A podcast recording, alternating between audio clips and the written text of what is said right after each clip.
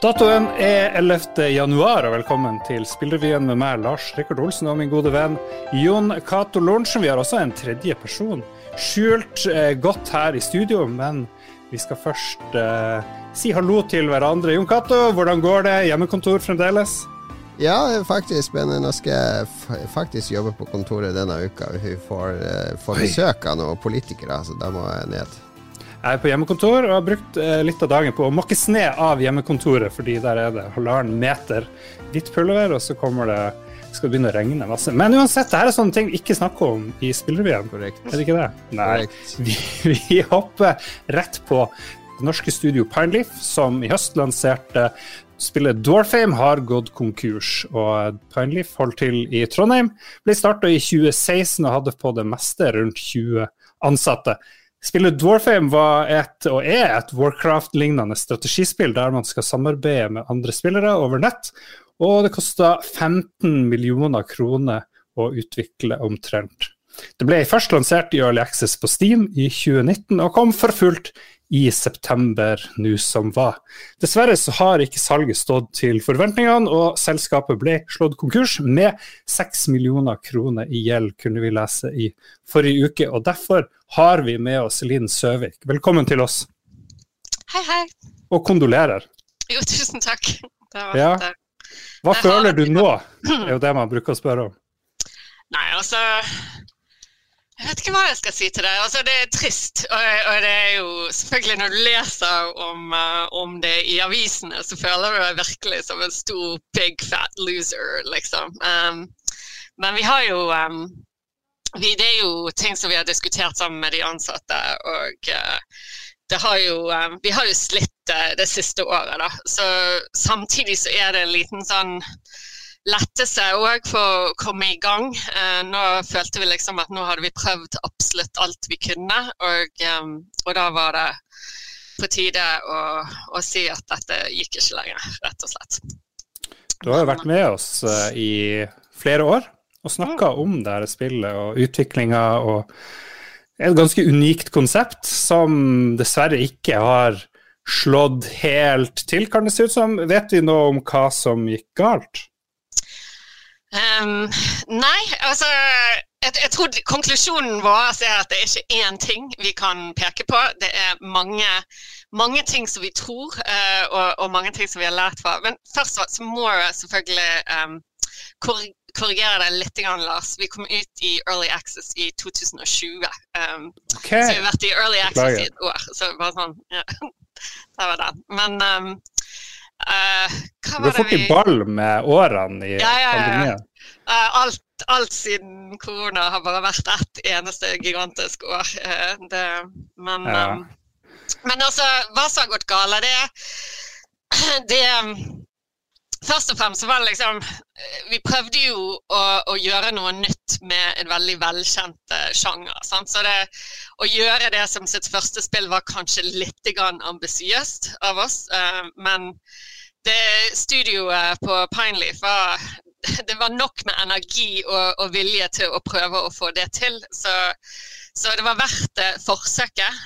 Men det er det å revolusjonere en helt ny eller en sjanger som kanskje var litt overambisiøst av oss. Og så er det bare masse sånne småting, og, og, og kanskje litt større ting òg, selvfølgelig. Når du da skal utvikle PVP-spill, så må du ha mange spillere samtidig. Kanskje vi burde egentlig ha lansert det som free to play, og så, og så ha andre muligheter. Og kanskje Vi hadde jo mange, eller vi har da mange moduser, sant? så vi ville jo at det skulle være mulig for deg til å spille som en single player, og at du kunne spille PVE og PVP og, og bare sandbox. Og det var for mange muligheter, kanskje. men Kanskje vi skulle rullert de ut én etter én når vi var i Early Access, sånn at det var mange som satt der klar for å vente eh, når vi lanserte fullt. Men jeg vet ikke. Altså det, det, er, det, er, så mange sånne småting. Jeg vet Merge har gjort jobben sin med å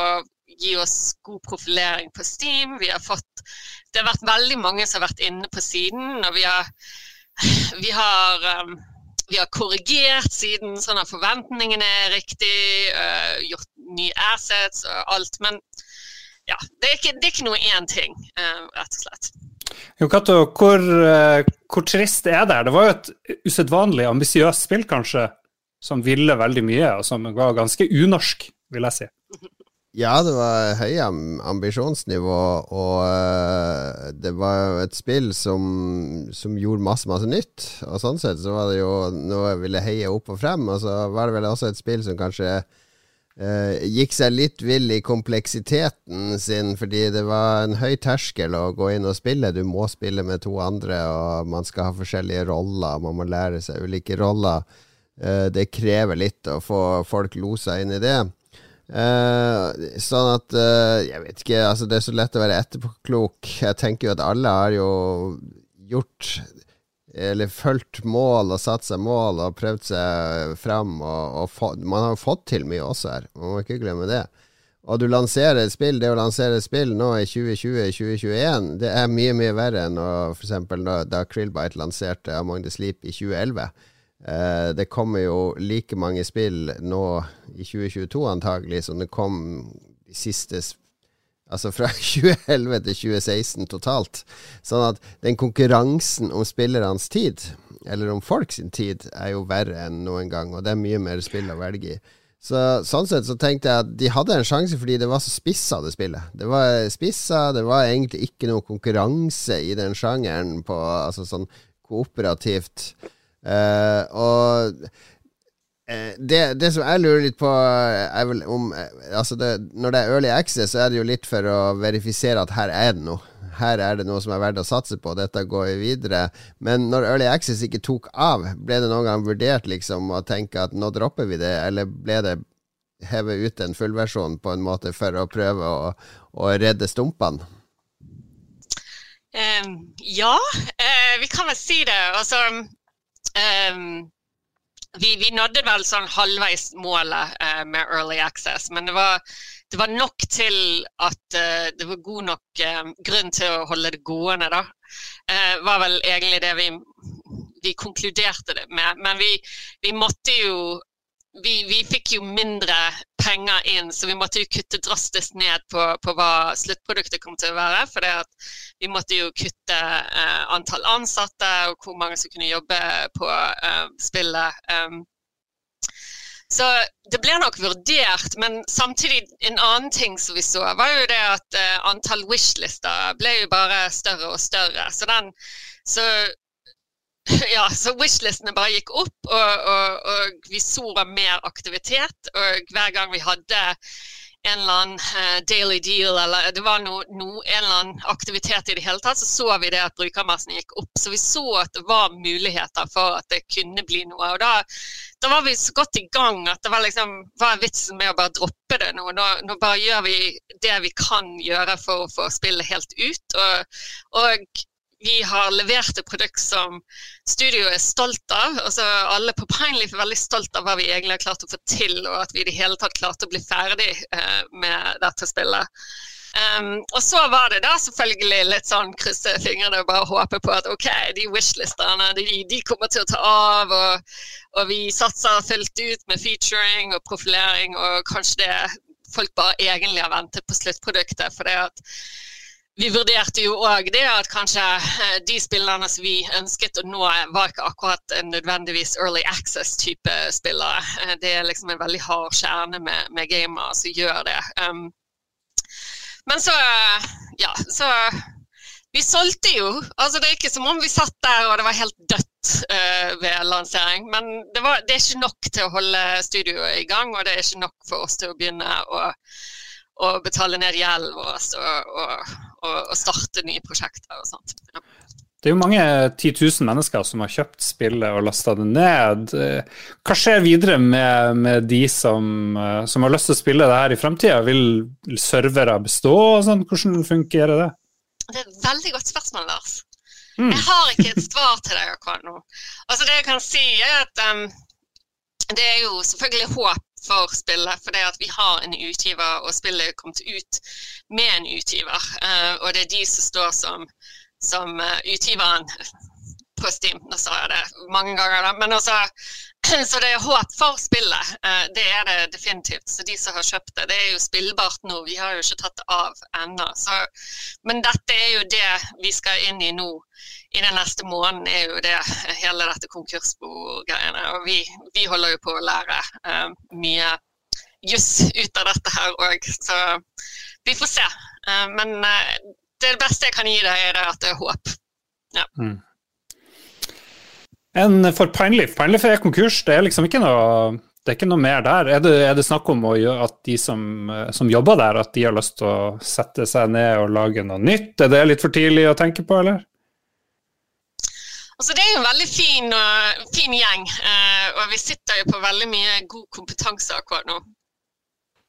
Så jeg kan si det at det er diskusjoner på gang, uh, definitivt. Men um, hvordan det vil utarte seg, det, det, vet jeg ikke. Og det er noen som har lyst til å gå andre veier òg, selvfølgelig. Så, men vi sitter nok en liten intern team igjen og vurderer å starte på nytt igjen, la oss si det sånn. Så. Jo, Kato, du er jo vår hovedsynser her. Du, uh, har du noe sånn uh, Jerry Springer siste oppsummerende ord om Pineleaf?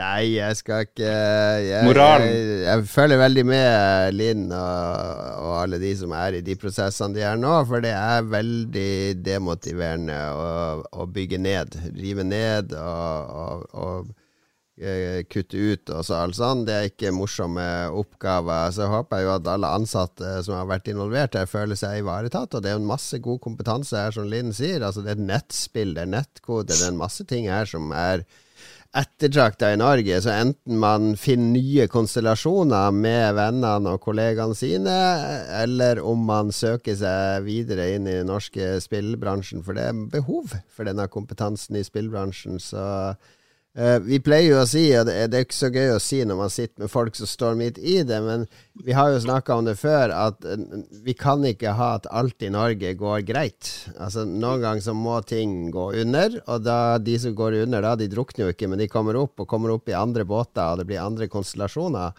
Så man lærer av sine feil òg. Ikke sant? Så, så Pineleaf har jo vært en katalysator for uh, Trondheim spesielt. da uh, miljøet, Spillutviklermiljøet i Trondheim. Og så er det en ærlig sak at man ikke lykkes med inntjening på et spill der man hadde et, bygd et stort studio og har masse kostnader og pådratt seg en del gjeld. Da er det fair nok at nå kaster vi inn årene, og så, og så får vi se hva som skjer etter det. Takk for det, Jon Cato. Det Masse, det fine ord å høre. Og masse lykke til, Linn. Det, er, det, går mot vår og lysere tider, så det, det, det kommer gjennom. Ja, bare bli ferdig med alle mørketingene nå i mørketiden, liksom. Ja. ja.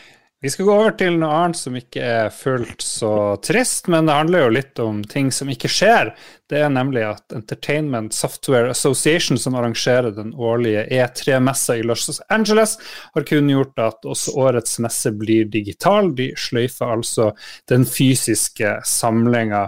Og arrangørene skylder selvfølgelig på covid og flere detaljer skal komme i løpet av vinteren. Jeg tror vi snakka med deg, Linn, om da jeg tror det var GDC, kanskje, som ble kansellert ganske tidlig i pandemien. Du syns det var kjipt, får ikke lov å gå og snakke med folk og møte folk osv. Det, det kjennes ikke ut som det er så lenge siden, men samtidig gjør det det. Er, det. er du like trist for at det ikke blir noe fysisk E3? Nei, jeg vet ikke. E3 har aldri Jeg har kun vært én gang, egentlig. Og da var jeg litt sånn attpåklatt med The Mix, men ja, det er en annen historie. Men altså, jeg merker det veldig godt at uh, jeg merker min generelle kompetanse innenfor um, hva som foregår innenfor spill, begynner å dale litt. Jeg føler meg litt utdatert. Um, så jeg må virkelig aktivt ta kontakt med folk som jeg kjenner i nettverket. Jeg har jo startet min egen podkast nå, og det, det, føler jeg nesten er også en liten sånn unnskyldning til å ta kontakt med folk som jeg ellers hadde snakket med på disse konferansene, for å lære hva som foregår der ute. Men ja. Det er gøy. Fortell hva heter podkasten din, siden du er inne på det. sånn ordentlig selvprovosering. Um, den heter Hitchcock Barbie. Og um, det var egentlig bare meg som skulle bli flinkere til å artikulere meg selv og være flinkere med verbal kommunikasjon, men uh, jeg endte opp med å bare snakke om spillnæringen, så det, det var kjempegøy. Så neste episode skal handle om Global Game Jam, hvor jeg snakker med Kate Edwards og leder det. Her er det lov å promotere seg sjøl. Ja, ja, ja. Men, um, men E3 ellers hovedsakelig Jeg har bare vært det én gang, men det var sabla gøy det jeg var med på på E3. Og, og, jeg husker når jeg gikk til E3, det var rett før vi skulle lansere Pode. Um, og så tvang jeg meg Gud, jeg virkelig presset på uh, de som driver The Mix, uh, til å få Pode inn der. For det var rett før lansering, og vi trengte litt uh, presse. Og fikk, vi fikk akkurat nok presse på, fra E3, for vi var jo der The Mix er jo på et tak i, på, midt i downtown LA, og jeg hadde stand akkurat ved uh, et basseng og hadde en sånn her keg og DJ rett ved siden av meg. Så jeg ble intervjuet av mange og fikk mye oppmerksomhet. Eller ikke mye, men vi fikk nok til at det var verdt å være der. Men jeg merket òg at humøret mitt når jeg reiste til uh, E3, var liksom jeg hadde angst. Altså, det var denne Å, helsike, vi skal lansere snart. Eh, har vi gjort alt vi skal gjøre? Og satser vi riktig med Nintendo Switch? Og, og, hvordan klarer jeg å sørge for at vi får featuring og sånne ting? Og når jeg dro fra E3, så følte jeg meg mye tryggere, fordi at jeg hadde snakket med folk som nettopp hadde vært gjennom lanseringa med Nintendo Switch. Og, mm. og og, og, det hjelper så veldig mye å snakke med folk som nettopp har vært gjennom det, eh, fremfor å tenke liksom tilbake igjen i tid til sine egne ja, Så den fysiske kontakten, å kunne prate litt tilfeldig, ja. uh, er verdifull. Jo, Stoler vi på at det er covid som gjør at man kutter ut E3? Det er jo ganske lenge til, da. Ja, jeg tror ikke det er grunnen i det hele tatt. Fordi jeg var på den siste fysiske E3 som var, det var vel i 2019, tror jeg. Uh, eller 2020, ja, det var 2019, tror jeg. Uh, fordi covid uh, Nå er det så lenge siden covid kom, men covid kom vel i 2020. Uh, eh, så i 2019, da, det var vel da vi lanserte Mosaikk, så da var jeg der med Krillbite, og vi var på showet til han Jeff Keeley som var utenfor E3. så hadde Microsoft stand utenfor E3, og så hadde Nintendo noe greier utenfor E3. så var det noe, uh, altså alt var fragmentert. Sånn at eh, jeg, var, jeg, hadde ikke pass til E3, bortsett fra jeg skulle inn på et eller annet sceneshow som var inne på E3 for å presentere Mosaikk, og da fikk jeg låne et pass. Og da dro jeg jo inn en halvtime før, sånn at jeg kunne tusle litt på messa og mimre litt. Og det var en, det var en skygge av seg sjøl. Altså, det var blitt som en sånn der uh, Før så var det jo et sånn der uh, spetakkel. ikke sant? Det var et sirkus. for Uansett hvor du snudde og ventet på deg, så var det digre statuer og stands eh, bygd for anledninger, gigantiske gjenskapninger av fremtidsbyer og Half-Life og, og, Call of Duty. og eh, Alle standene var spektakulære. og var, kunne, Uansett hvor du snudde og ventet deg, så var det et eller annet å se på. Nå var det sånne små handelsboder Eh, masse sånne ukjente hardware-selskap og alt mulig som hadde fått innpass dersom det pleide å være forbeholdt de store aktørene, som på en måte hadde kutta ut. Sony var jo ikke der i det hele tatt. Det, var rett og slett eh, Jeg skjønte jo når jeg var der, at det her er ikke liv laga. Folk kommer ikke til å dra, dra på det her, for det, det er fragmentert. Eh, og Selskapene eier jo tingene sine sjøl nå. Og de eier jo presentasjonene sjøl. De eier kundene sine sjøl. De eier salgskanalene sjøl. Eh, det, det, er en svær konflikt nå mellom selskaper som lager store spill, og plattformholdere om hvem som skal eie retten til å, å utvide spilluniversene, eller metaversene, som de har laga. Sånn at alt er jo fragmentert nå. Og det å samle en hel bransje De klarer det i Tyskland, med, med en eller annen tysk jernhånd. Så klarer de å holde liv i GameStop. Men i USA, de, de kommer ikke til å lykkes. Mm. Og, og, når det er en ren sånn salgs- og forbrukermesse som det har vært Eller nei, det har ikke vært en forbrukermesse, men en salgs- og pressemesse for salgsapparatene i ulike butikker. Det er jo det det har vært. Salgsdirektørene i de store butikkjedene i, i, USA skal komme dit og se hva som kommer, og gjøre valg og inngå handelsavtaler. De finnes jo ikke lenger. Uh, det, det, er liksom Walmart og Best Buy og et par til, men det er jo ikke Det landskapet finnes ikke lenger. Og pressen kan jo like godt intervjue folk sånn som vi sitter nå på en skjerm. Altså det, det behovet for å møtes for å selge produkter til presse og innkjøpssjefer er ikke der lenger. Det er en lang rant, Lars. Jeg ser du vil Ja, ja. Behovet for GDC, der utviklere møtes og utveksler erfaringer rundt business, lansering, utvikling, kodeteknikker, design, det er større enn noen gang pga. covid. Så død over etere og prøv å få opp flere arenaer for spillskapere til å møtes.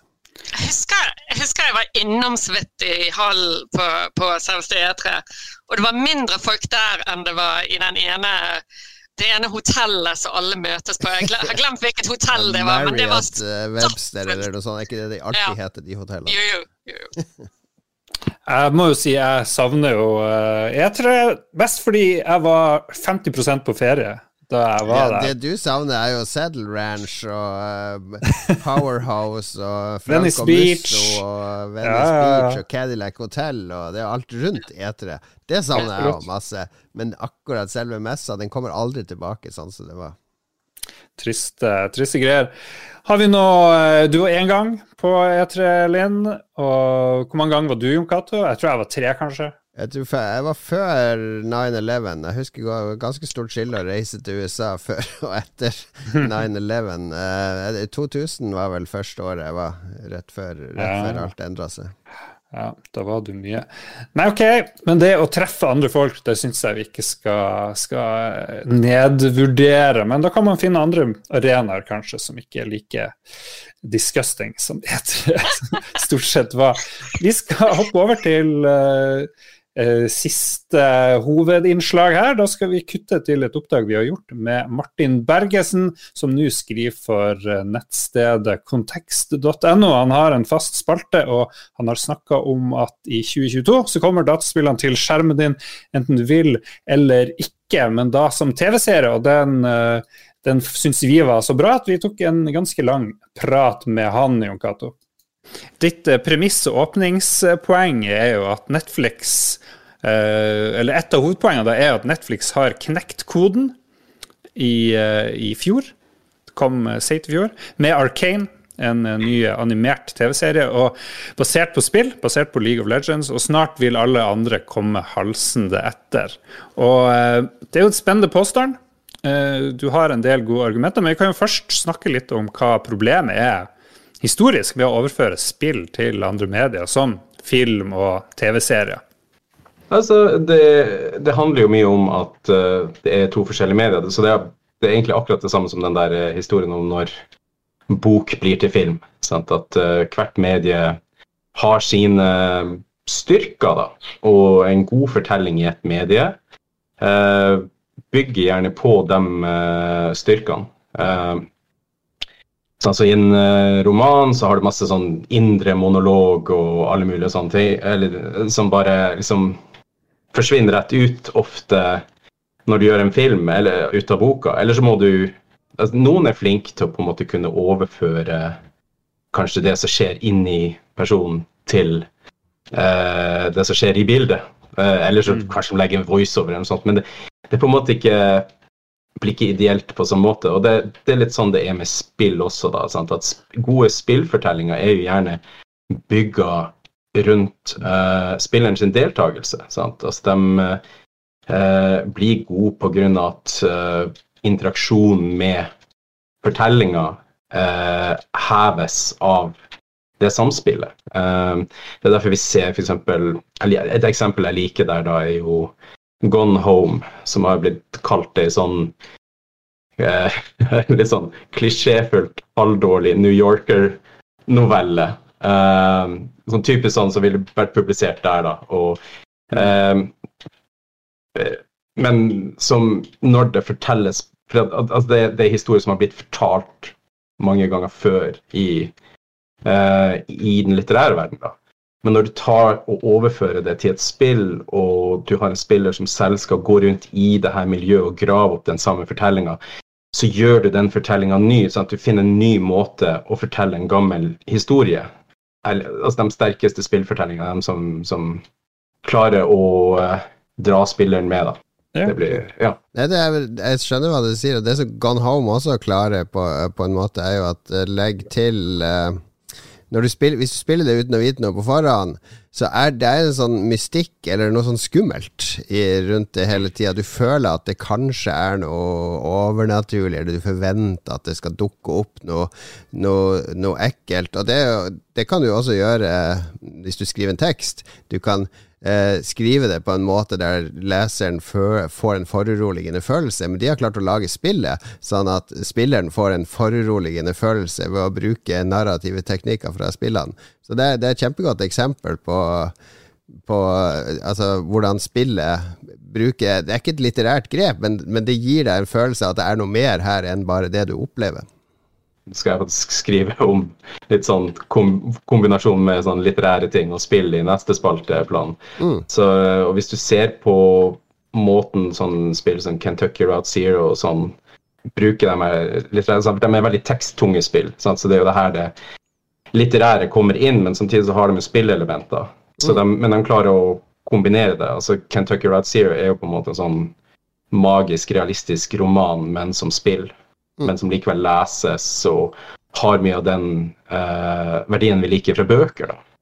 Men uh, før så husker jeg når jeg spilte på 8-bit, 16-bit uh, i gamle dager, så var det liksom cutscene, eller det som da var en cutscene, som ofte var bare en stor tegning med litt sånn tekst, det var payoffen. Altså, du led deg gjennom en masse beinhardt gameplay for å komme til en skjerm der det kanskje var to dialogbokser eller noe sånt Altså, det var føltes som en payoff, en reward. Mens nå i dag så mm. føler i hvert fall jeg at når jeg sitter og spiller, og så Å nei, nå kommer det en fire minutters cutscene. Eh, syv minutter der Nathan eller noen skal flørte med noen.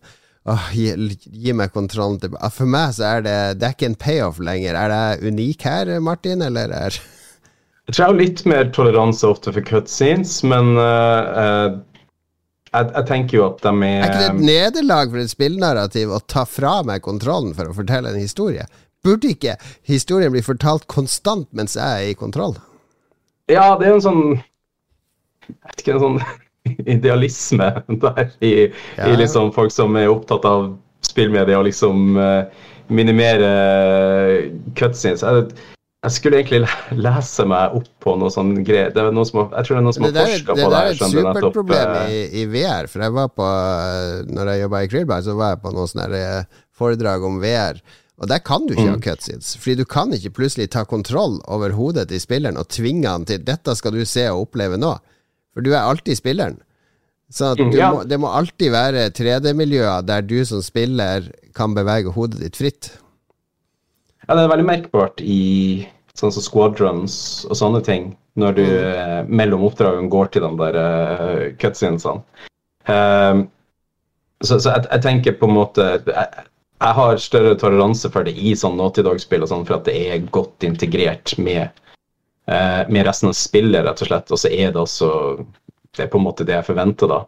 Uh, uh, så, så, så, for meg så handler det Jeg er ikke så beinhard på det, selv om jeg er veldig med på den logikken, egentlig. Men uh, hardcore. Du er hardcore. Men, men denne serien, som jo nå har blitt veldig populær, Arcane, det er jo en lang cutscene, kan man si. Eh, basert på et spill uten cutscenes, omtrent. Det er nesten mm. ingen det, nesten alle tida du bruker som spiller, det er i sånn teambasert uh, strategikamp, uh, lag mot lag. Og så klarer de å lage en uh, veldig bra animert serie ut av det. Er ikke det et lite paradoks? Eller du skriver vel faktisk at det er et slags paradoks? Uh, det er akkurat det jeg skriver. nei, altså League of Legends det er jo sånn spill som jeg er totalt uinteressert i, egentlig. Altså Alt av sånn Moba og sånn er bare jeg, jeg, klarer aldri å engasjere meg i det. Jeg skjønner at de er liksom dype, spennende, interessante spill som kan gi dem masse, men jeg, jeg klarer aldri å, å, få opp noe følelse for dem. Uh, så det der er jo et sånt uh, fiksjonsunivers da, som League of Legends foregår i, som jeg har null forhold til fra før. Uh, men League of Legends har jo nettopp den fordelen at den er, det er kun Altså, det er jo mer Det er jo mer i det her eh, konkurransebaserte uh, landskapet av spill eh, enn det er at det er noen som har ei sterk fortelling som du får et forhold til og sånne ting. Men så har de jo selvsagt laga masse bakgrunnshistorier for alle med championene sine og sånne ting. Og så eh, så det finnes et ferdig fiksjonsunivers der da, som ikke er utnytta på en særlig måte. Altså, det blir litt som de her uh, uh, Hva de heter de? Grimoire eller noe sånt, kortene i uh, Destiny. Jeg, jeg, satt og spilte Destiny og venta på historien, og så fikk jeg høre at ja, men du må lese de kortene der. Du kan kjøpe, kjøpe, tre bøker som samler alle de Grimoires som ja, du kan lese på senga.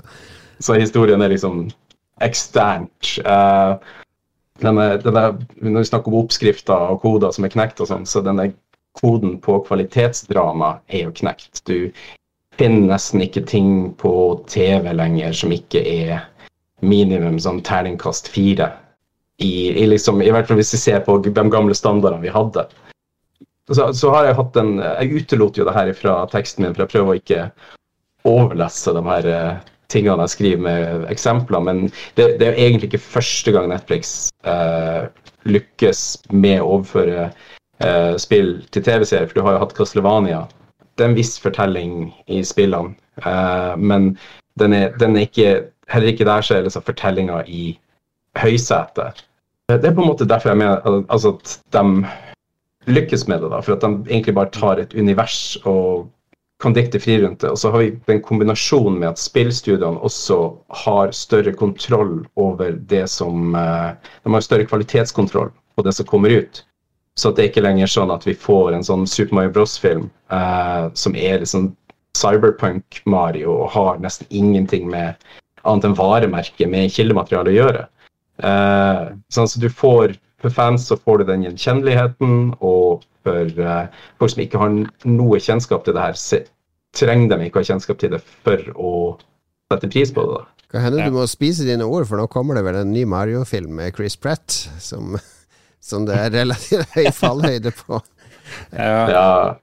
Uh, jeg vet ikke om du har noen flere kommentarer umiddelbart, uh, Jon Cato, men jeg tenkte du kunne jo få lov å fortelle litt om uh, din tid som spillsjef, og hvordan ditt møte med Hollywood var. Fordi det er vel ikke noen stor hemmelighet at Hollywood og, og de som jobber der, de ser seg om, veldig sulten på, på historie å fortelle, fordi nå er det 1400 streamingtjenester som skal ha innhold. Ja, altså, jeg tror jo eh, Det burde vi kanskje klarere med noen som lager film og TV-serier, men jeg tror jo det aldri har vært et bedre tid å være film- og TV-serieskaper. Kanskje spesielt serieskaper, for, eh, fordi du har så mange strømmetjenester nå som er desperat etter det som de kaller for content, altså innhold. Eh, det er både fordeler og ulemper med det. Ulempene er jo ofte at de søker content basert på algoritmene de har, sånn som Stranger Things ble jo til fordi Netflix eh, sine algoritmer fant ut at dette ville treffe bredt. 80-tallet, eh, litt sci-fi-horror barn i hovedrollen. Og så, så, ble det et bestillingsverk med de stikkordene, ikke sant.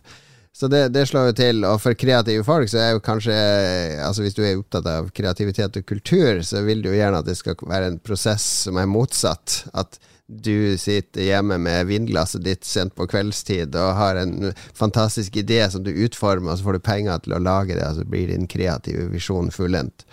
Men uh, sånn er nå markedet, og det merka jo jeg i Krillbite òg, at både Mosaikk og, og Among the Sleep var det masse interesse for, og ikke fordi jeg tok kontakt, men det var de som aktivt tok kontakt. Hadde du fått noen presseomtale Jeg tror jo de pløyde igjennom når det var messe.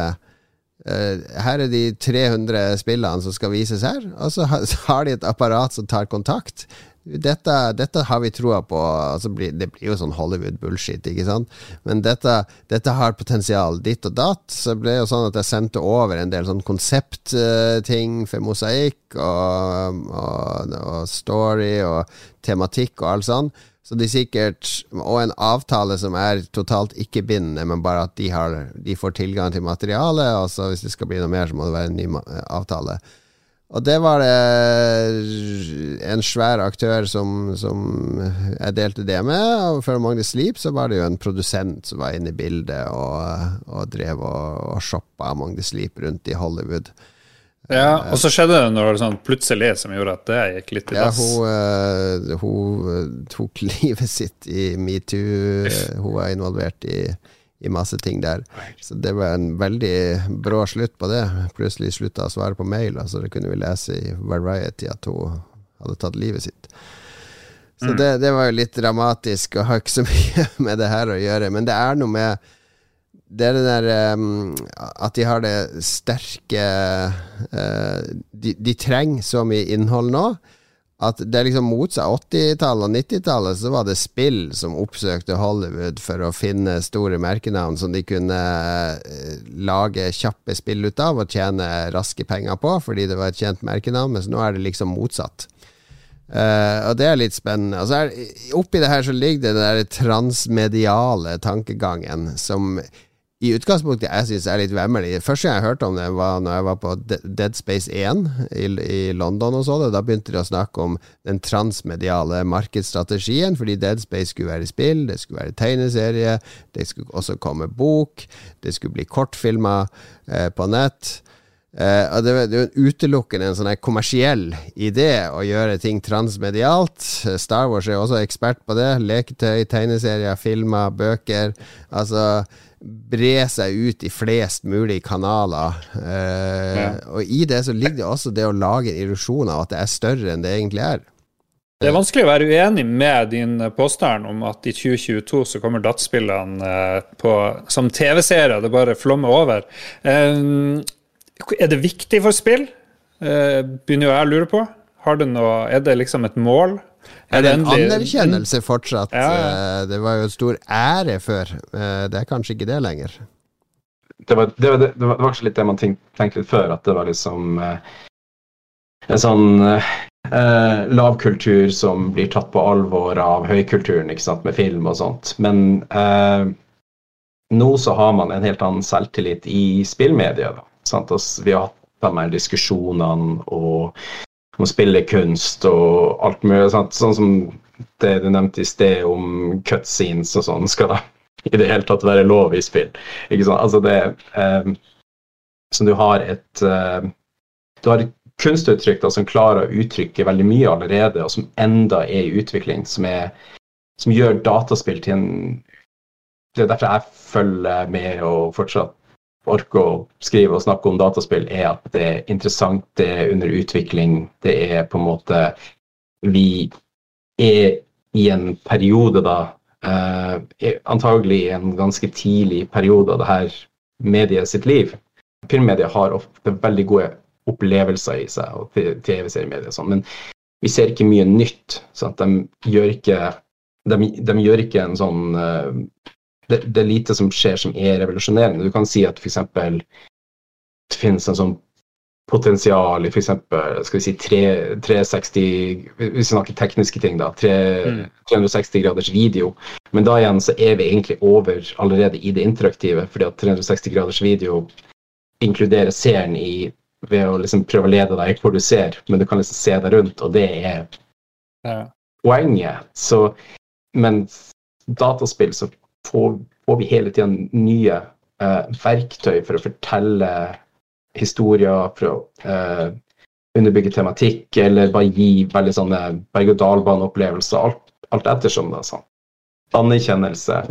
Eh, det er liksom litt i bakleksa, fordi mange av de tingene tingene på en måte, hva vi skal si, filmteknologien kunne uttrykke veldig godt. Det klarer nå også spillteknologien. og uttrykket godt. Så det er eh, Men altså det som er fint med en film, er at du kan sette deg ned, du kan bli fortalt en lineær fortelling fra et spesifikt ståsted. Eh, og det er en styrke for filmen, ja. Men spillene må lage det her rommet da, for den eh, spilleren som skal være med. Ja. Det er utrolig spennende å snakke om de her tingene. Jeg har jo lyst til å prate mer om f.eks.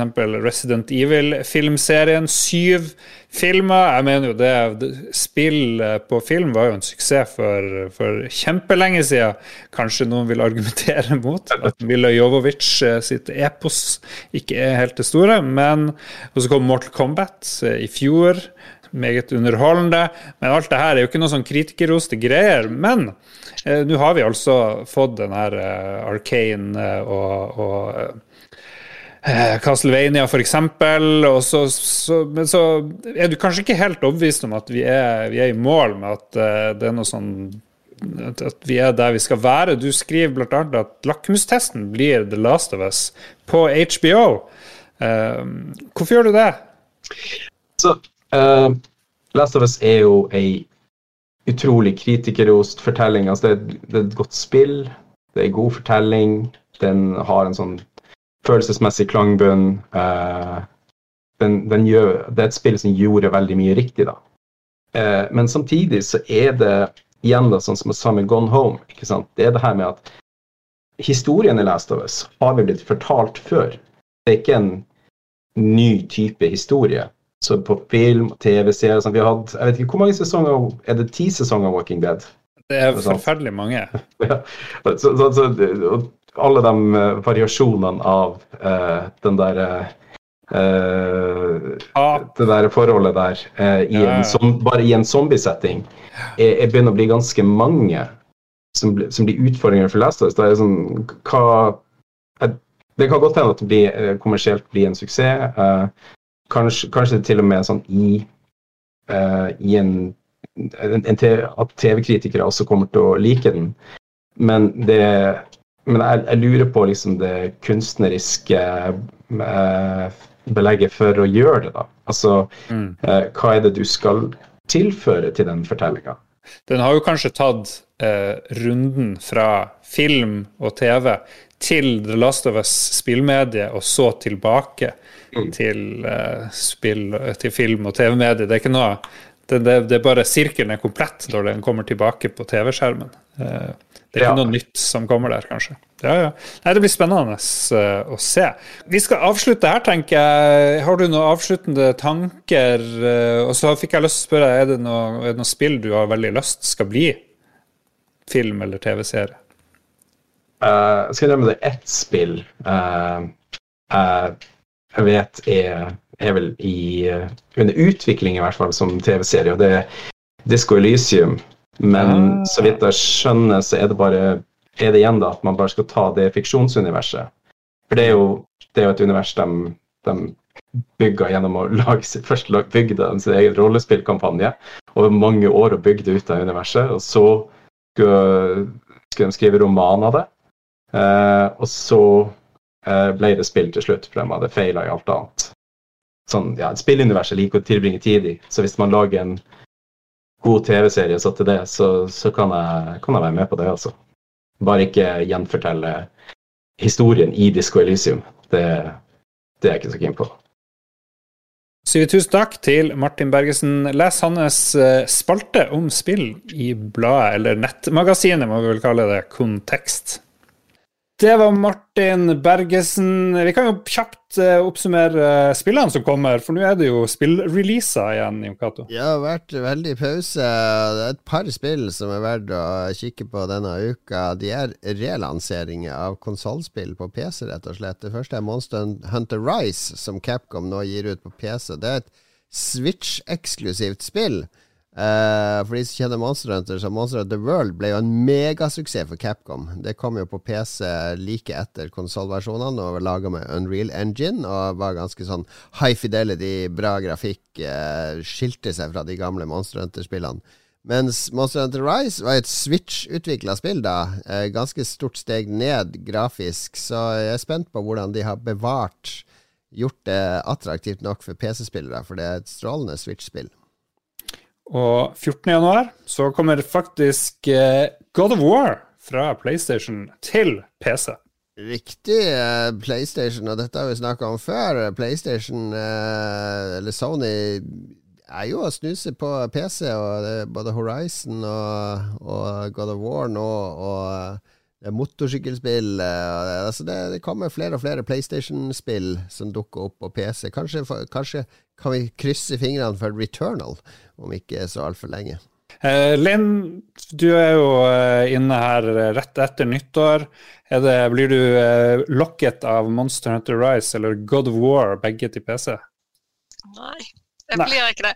Jeg prøvde å spille God of War um, tidligere på PlayStation, men, men, jeg bodde jo sammen med Jan Hegl, og uh, han elsket det spillet så mye. Og han satt rett ved siden av meg og pekte på ulike ting. Og da bare tenkte jeg nei, dette her må jeg spille uten han. Og så har jeg bare ikke tatt det uh, frem igjen, rett og slett.